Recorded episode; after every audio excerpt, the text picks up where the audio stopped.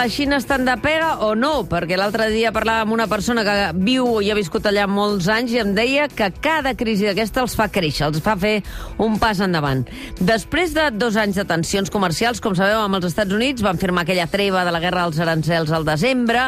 Al gener ha esclatat aquesta crisi del coronavirus, una epidèmia que ha impactat en plena celebració del nou l'any nou xinès, amb tot el que això comporta per davallada el consum, restaurants, cinemes, mercats tancats,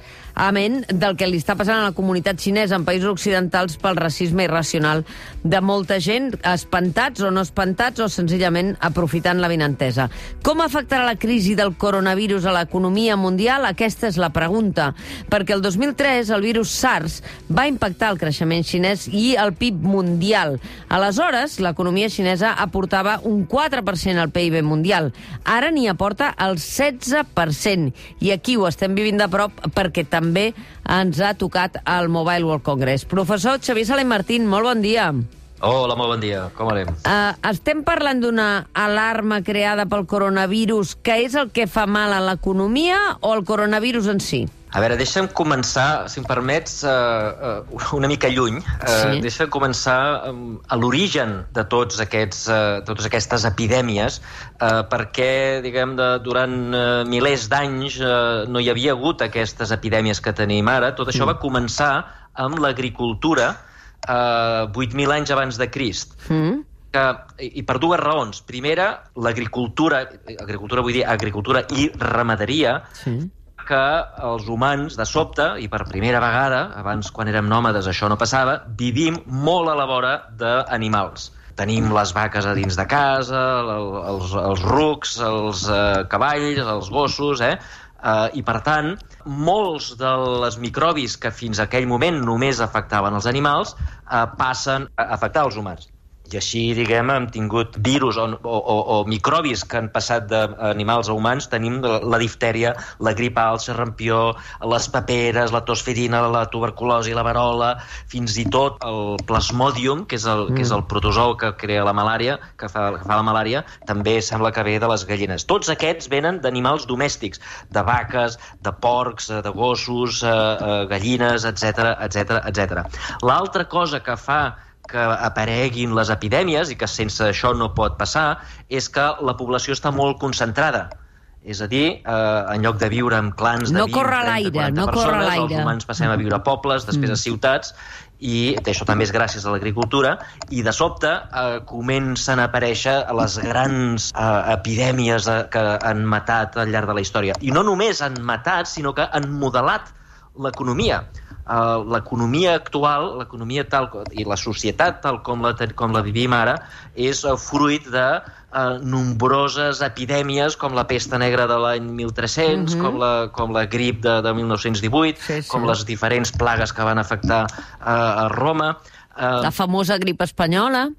la Sí, sí. grip espanyola de l'any 18, sí. Mm. Uh, doncs tot això, tot això uh, ha estat modelat, tot això ha passat, uh, diguem, al llarg dels, al, al llarg dels, dels segles. Per què? Doncs perquè els humans, uh, uh, perdona, els humans, els, um, els humans, sí, els humans uh, uh, euroasiàtics, eh, els que vivim a Europa i Àsia, Uh, érem els únics que vivíem al, a la vora d'aquests animals domèstics, perquè Mm. mm. érem els únics que teníem els animals domèstics. Els americans, per exemple, n- no tenien grans animals domèstics, només en tenien un, que és la llama, mentre que nosaltres teníem això, porcs, teníem uh, uh, vaques, teníem cavalls, etc etc. no? I per tant nosaltres ens vam encomanar molt més. I durant milers d'anys, 10.000 anys, eh, nosaltres, europeus i asiàtics, uh, hem anat eh, evolucionant eh, resistència en aquest tipus de plagues. Mm. Eh? Eh, és a dir, que la, una plaga d'aquestes o una, o una epidèmia d'aquestes doncs mata a uns quants, a vegades mata a molts, mata a la meitat de la població, però els que sobreviuen són més forts. Eh? I nosaltres, els europeus i asiàtics, hem anat eh, desenvolupant a través de 10.000 anys una resistència que, per exemple, els indígenes americans no tenien o els, que, els aborígens de la Polinèsia tampoc tenien.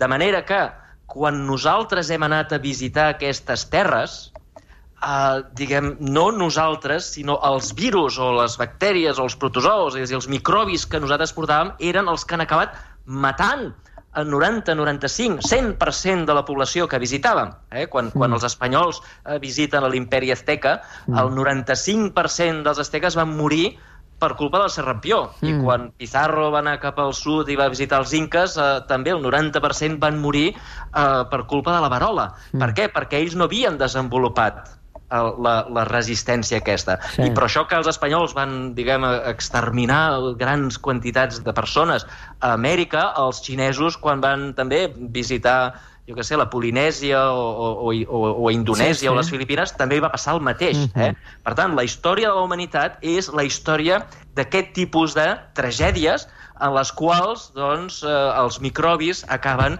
eh, acaben eh, devastant una gran quantitat de població. I això el que ha fet és que diguem, ens creem, eh, tots nosaltres, tinguem un pànic eh, molt sovint sobredimensionat sí. de les conseqüències que això té sobre la població. Mm. Eh? Veiem un virus nou o, o, o una, un microbi que traspassa la frontera d'animal cap als humans, sí. com sembla ser que és això, que ara aquest resulta sí, sí. que ve dels rats penats. D'un rat penat, sí doncs també ja diem, ostres, milions de morts, 95% de la població exterminada. Per què? Doncs perquè la, aquesta és la nostra història. La història de la humanitat és la història de uh, pandèmies recurrents d'aquest tipus. La història recent, eh, dels últims 10.000 anys. Eh? Mm. Um, I això, i ara sí que responc a la teva pregunta, ens crea una por a les malalties noves. Sí, sí. Eh? Que, una por quasi eh, ancestral, no? Com el desconegut, sí, sí. no? Sí. Exacte, exacte, que és una por al desconegut. Sí, sí. Per què? Per què dic que és una por al desconegut? Perquè si tu mires els números d'aquesta nova de malaltia, eh, del coronavirus, eh, que és un nou microbi, no? que, que, que acaba de passar la barrera eh, animal cap als mm. humans eh, fa poc, eh, els números no són una bestiesa. Mm. Recordeu, uh, fa 100 anys aquesta, aquesta uh, grip espanyola que tu mencionaves fa un mm. moment, el 1918, va matar a 100 milions de persones. Sí, sí. 100 milions de persones. Estem parlant d'un coronavirus que, de moment, ha matat a 400. Mm. Que sí que és possible que acabi sent una epidèmia catastròfica i perquè no ho coneixem, no sabem, però Uh, recordeu que cada any... Sabeu quan, quanta gent es mora? De grip, la grip sí, normal. Sí, sí, la grip, cada any, sí. Cada, sí, any, sí. cada any, cada any, cada any, cada any, 600.000 persones sí, sí. cada any. Cada any, no 400, 600.000. Uh, I quan abans de la introducció mencionaves el SARS. El SARS també va ser una crisi uh, uh, de l'any 2003 que també va crear un pànic tremendo. Uh, va matar 400 persones. Mm. Fins i tot la èbola, la èbola de l'any 2016, de fa 3 anys, recordeu mm. que va ser una, també una gran catàstrofe, i, i, i no la vull minimitzar, eh? va morir 28.000 persones. Sí, sí. Però, però és que 600.000 es moren cada any de grip. Mm -hmm. Eh? I... Uh, per tant, per tant, com que és desconeguda, la grip, la grip no li fem cas. Eh? O, com o no que la fem... coneixem, no la temem, la gent que es mora ja té afeccions prèvies, etc. no? Exacte. I això, com que és nou, doncs escolta'm, què passa? Doncs que van els xinos i diuen aquesta, aquesta cosa és catastròfica, surt a Wuhan o d'aquesta regió, pum, quarantena tota aquesta regió. Agafen una, una, una, una regió de tres ciutats que hi ha 40 milions de persones i la tanquen. Mm -hmm. ah, això eh, té conseqüències eh, econòmiques brutals, ah. segurament molt més grans del que tindrà el virus. Sí, sí. El virus, si tot va bé, descobrirem la solució, com vam fer amb el SARS, amb la Ébola o amb totes les altres. La ciència està molt més avançada, ja no estem a l'any eh, 1300, eh, i per tant els científics ens ajudaran, eh, segur, amb, amb gairebé, amb una altíssima probabilitat, això no serà una gran catàstrofe, però les conseqüències econòmiques ja les tenim. Per què? Doncs que d'entrada els xinesos, eh, la gent, els avions no van a la Xina i els avions no surten a la Xina. Per tant, tots els turistes xinesos i tots els turistes que van cap a la Xina desapareixen. I la gent I que hi fa negocis, gent, clar.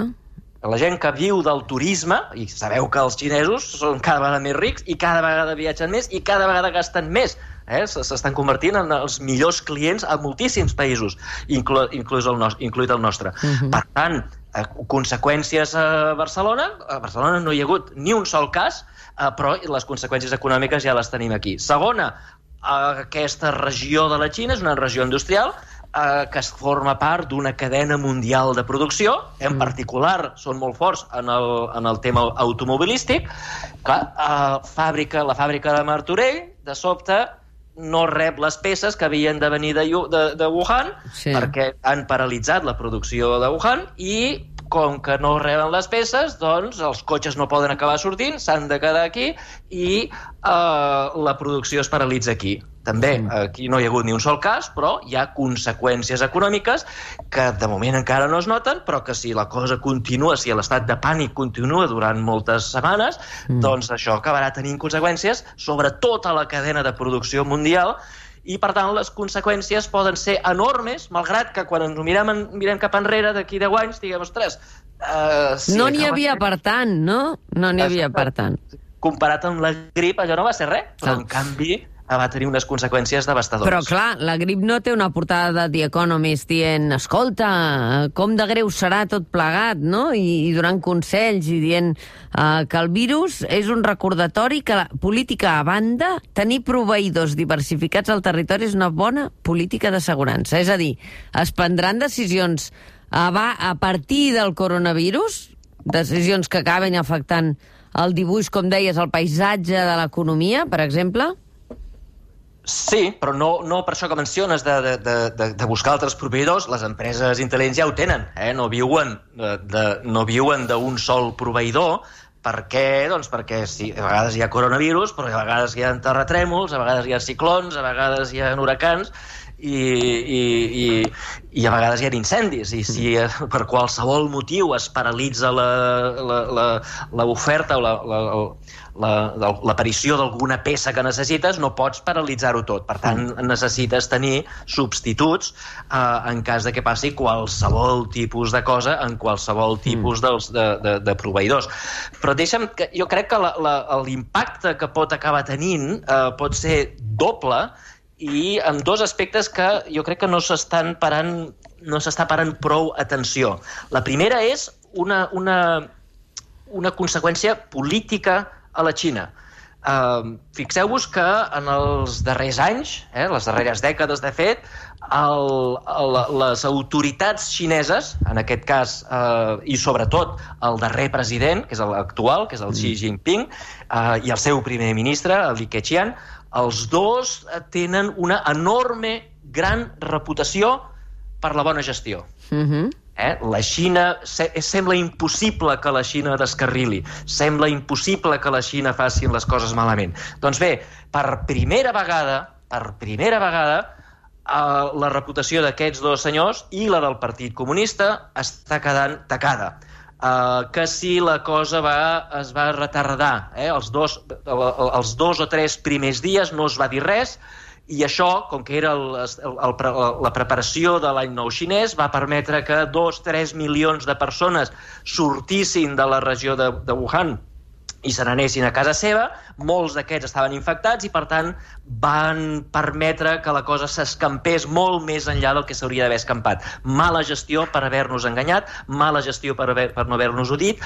Els, les autoritats de Beijing diuen que això és culpa del, del govern regional, el govern regional dona les culpes a Beijing, però la imatge aquesta impoluta de, de grans eh, gestors que, que, que, que, que, que, que no podien fer res malament queda atacada i això pot acabar tenint conseqüències polítiques a dins, eh, a dins de la Xina. Mm. Eh, no us haurà passat eh, inadvertit que uh, la Xina està sobreactuant sí. en la construcció d'aquests hospitals. Sí, sí, sí, sí, sí, Ara farem sí clarament. Hospitals, en dos dies, en deu dies farem aquí uns hospitals i ensenyen les fotos, sí, els satèl·lits, sí. allò, com està creixent l'hospital en cada hora. Uh, tot això és una sobreactuació perquè les autoritats veuen que la, la, la, el, el, el, el, la base en la que ells han construït la seva reputació està quedant, està quedant ferida per potser de mort per, que, per una mala gestió. També se'ls està acusant de falsificar les dades els models epidemiològics fets a fora de la Xina diuen que la, la malaltia està creixent més del que diuen, que hi ha més infectats i més morts del que les autoritats diuen. Mm. Ja veurem si això s'acaba confirmant.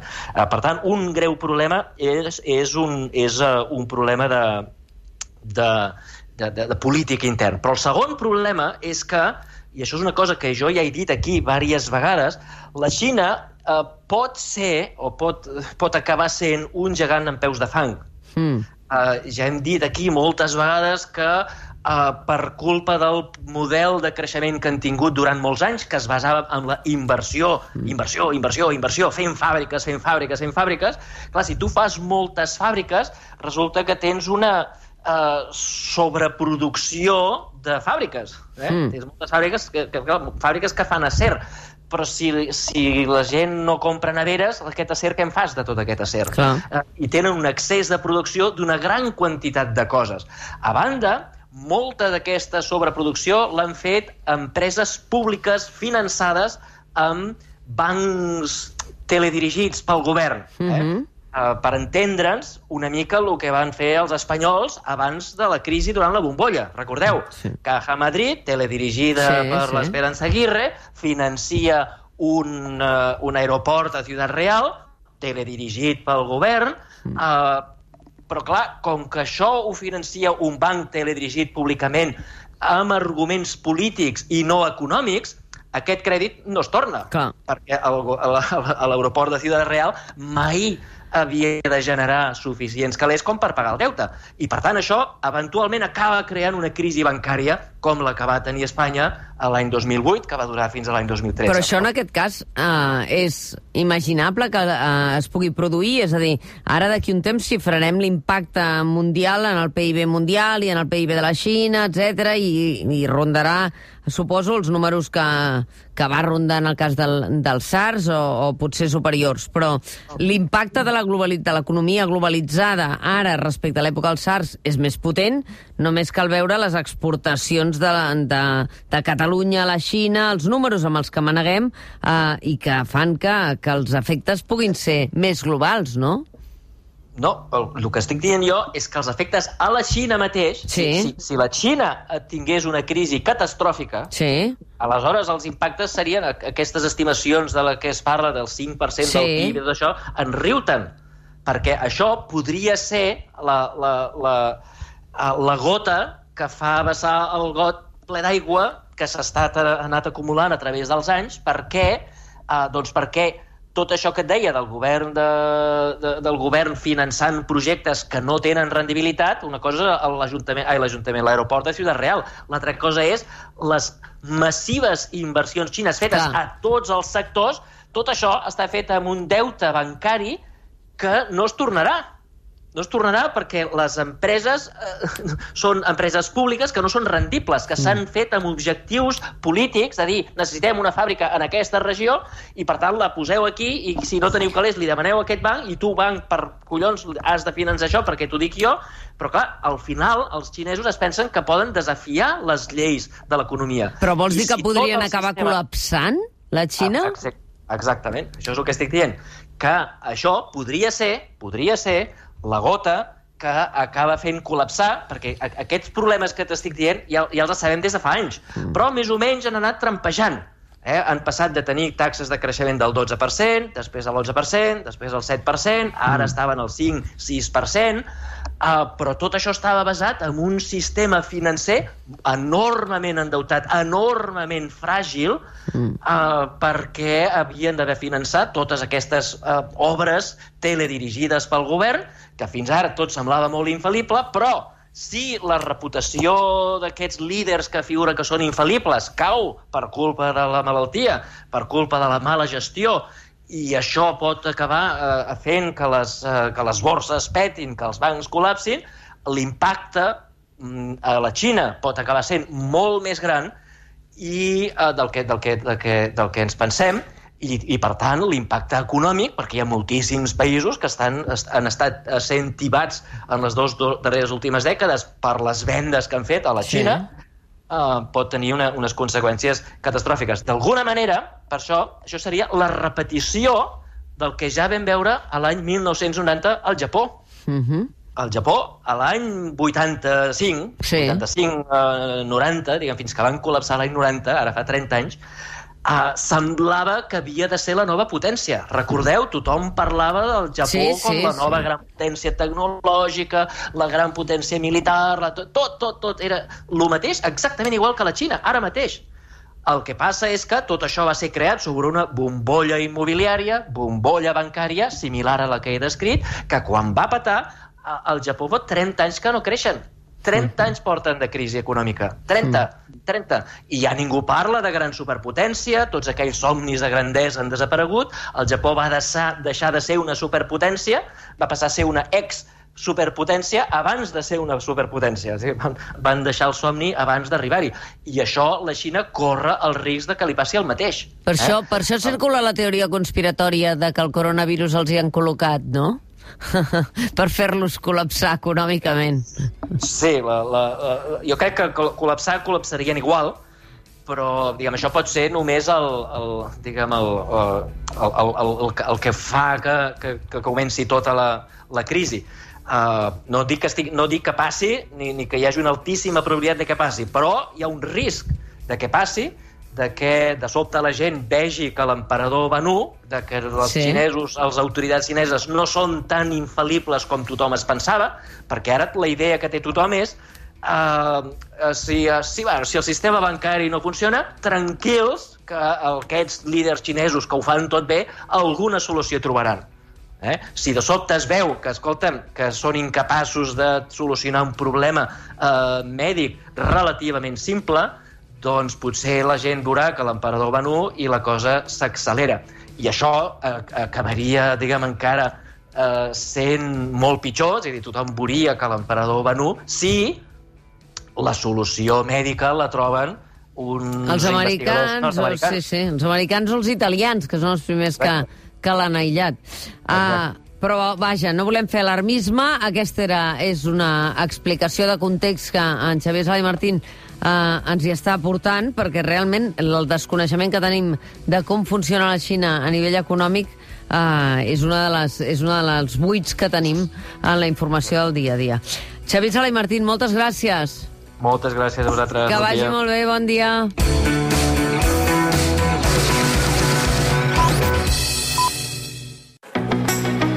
Pregunta'm el que vulguis. Ets estudiant de periodisme? Voldries fer una entrevista a un personatge que no coneixem? Mònica Terribas et convida a fer-ho. Escriu-nos a matí arroba catradio.cat matí arroba catradio.cat El micròfon del matí de Catalunya Ràdio t'espera. Som aquí per escoltar tothom. Matí arroba catradio.cat